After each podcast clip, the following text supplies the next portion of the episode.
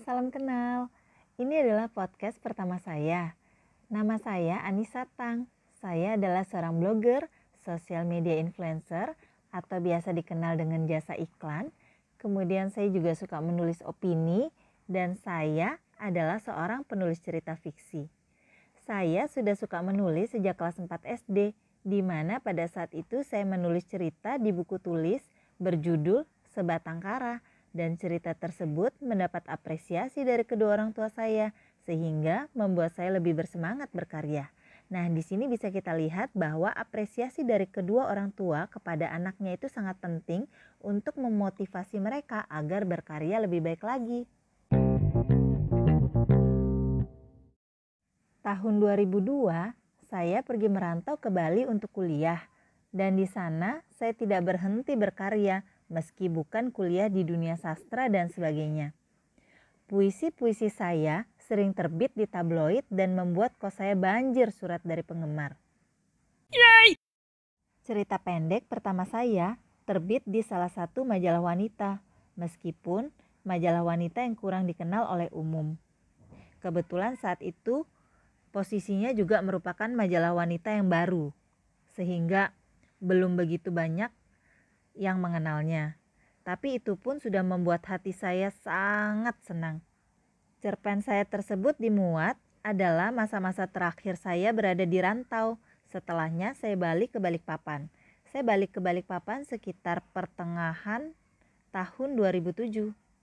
Meskipun saya sudah bekerja di sebuah perusahaan, namun, saya tidak berhenti berkarya dong. Saya tetap menulis. Saya tetap mengetik ide-ide uh, yang ada dalam pikiran saya. Kemudian, pada tahun 2008, cerita bersambung saya dimuat secara empat uh, edisi berturut-turut oleh salah satu majalah wanita yang paling bergengsi di Indonesia. Saat itu gaji saya hanya 1,2 juta dari perusahaan setiap bulannya. Tapi melalui tulisan saya tersebut, cerita bersambung yang telah dimuat tersebut, saya mendapat honor 3 juta rupiah dari majalah itu. Apalagi setelahnya uh, saya malah menang juara dua lomba cerpen di salah satu tabloid remaja. Jadi saya berpikir bahwa wah jalan saya menjadi seorang penulis terbuka lebar nih saya diridoi oleh Allah nih. Seperti itu.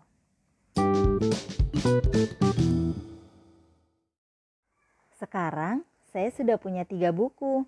Salah satunya adalah novel karya saya sendiri, yaitu berjudul Melupakan 98.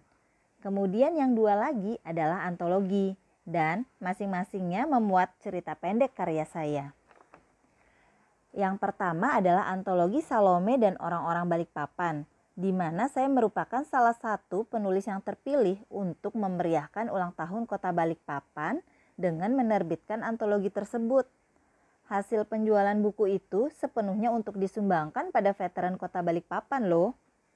Kemudian, antologi yang kedua berjudul Kebaikan Cinta, di mana saya merupakan salah satu penulis yang beruntung juga dari komunitas ibu-ibu doyan nulis yang tulisannya dapat diterima di dalam buku antologi tersebut.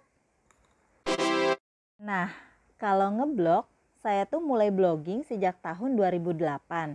Awalnya sih buat curcol saja, buat curhat-curhat biasa. Namun seiring waktu, saya mulai bisa mengelola blog saya agar lebih rapi seperti itu.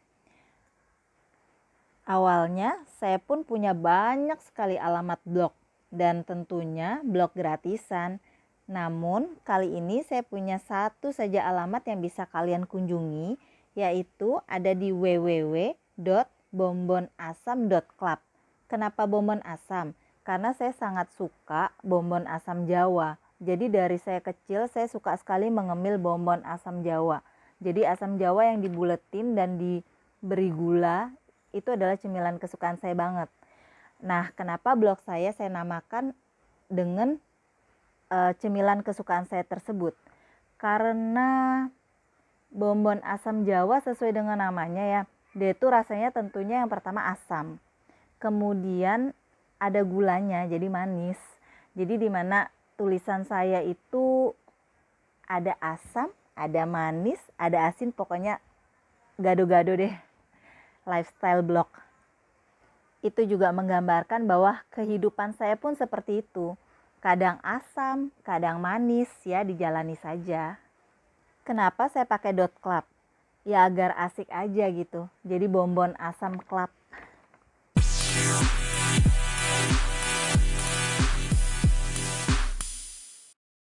Jadi, pada episode pertama saya untuk uh, podcast channel saya ini, saya hanya ingin memperkenalkan sekilas mengenai saya dan aktivitas saya agar para pendengar juga tahu siapa sih saya ini dan apa sih kapasitas saya berbicara di sini seperti itu.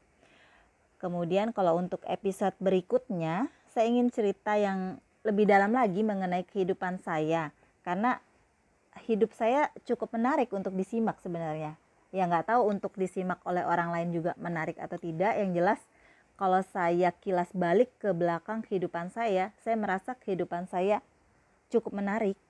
Di mana sebelumnya saya sempat mengalami jatuh bangun, baik dari segi ekonomi, kemudian segi percintaan, kemudian hubungan rumah tangga, dan saya yang sekarang ini, khususnya status saya saat ini.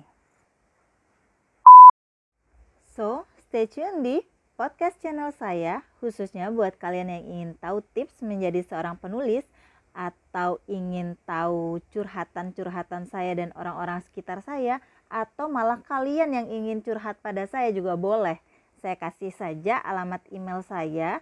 Jadi kalian bisa email ke saya yaitu uh, at megaya@gmail.com yaitu Eko Desi Mama Eko Eko Golov alpha yankee alpha at gmail.com kalian email saja ke situ kalian pengen curhat apa nanti saya akan ba akan bahas di podcast saya jadi di episode-episode saya akan saya bahas curhatan kalian di mana kita tidak saling mengenal sebelumnya jadi tidak ada malu atau apa kalian juga bisa untuk menyamarkan nama kalian saja dan ya kalau kalian yang ingin tahu pendapat saya seperti apa mengenai curhatan-curhatan kalian, boleh kalian kirim email ke saya.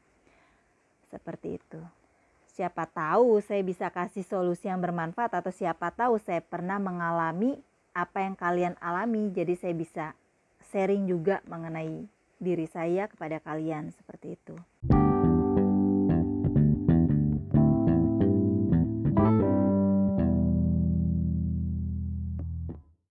Oke, sampai di sini dulu episode kali ini. See you at next topic. Bye.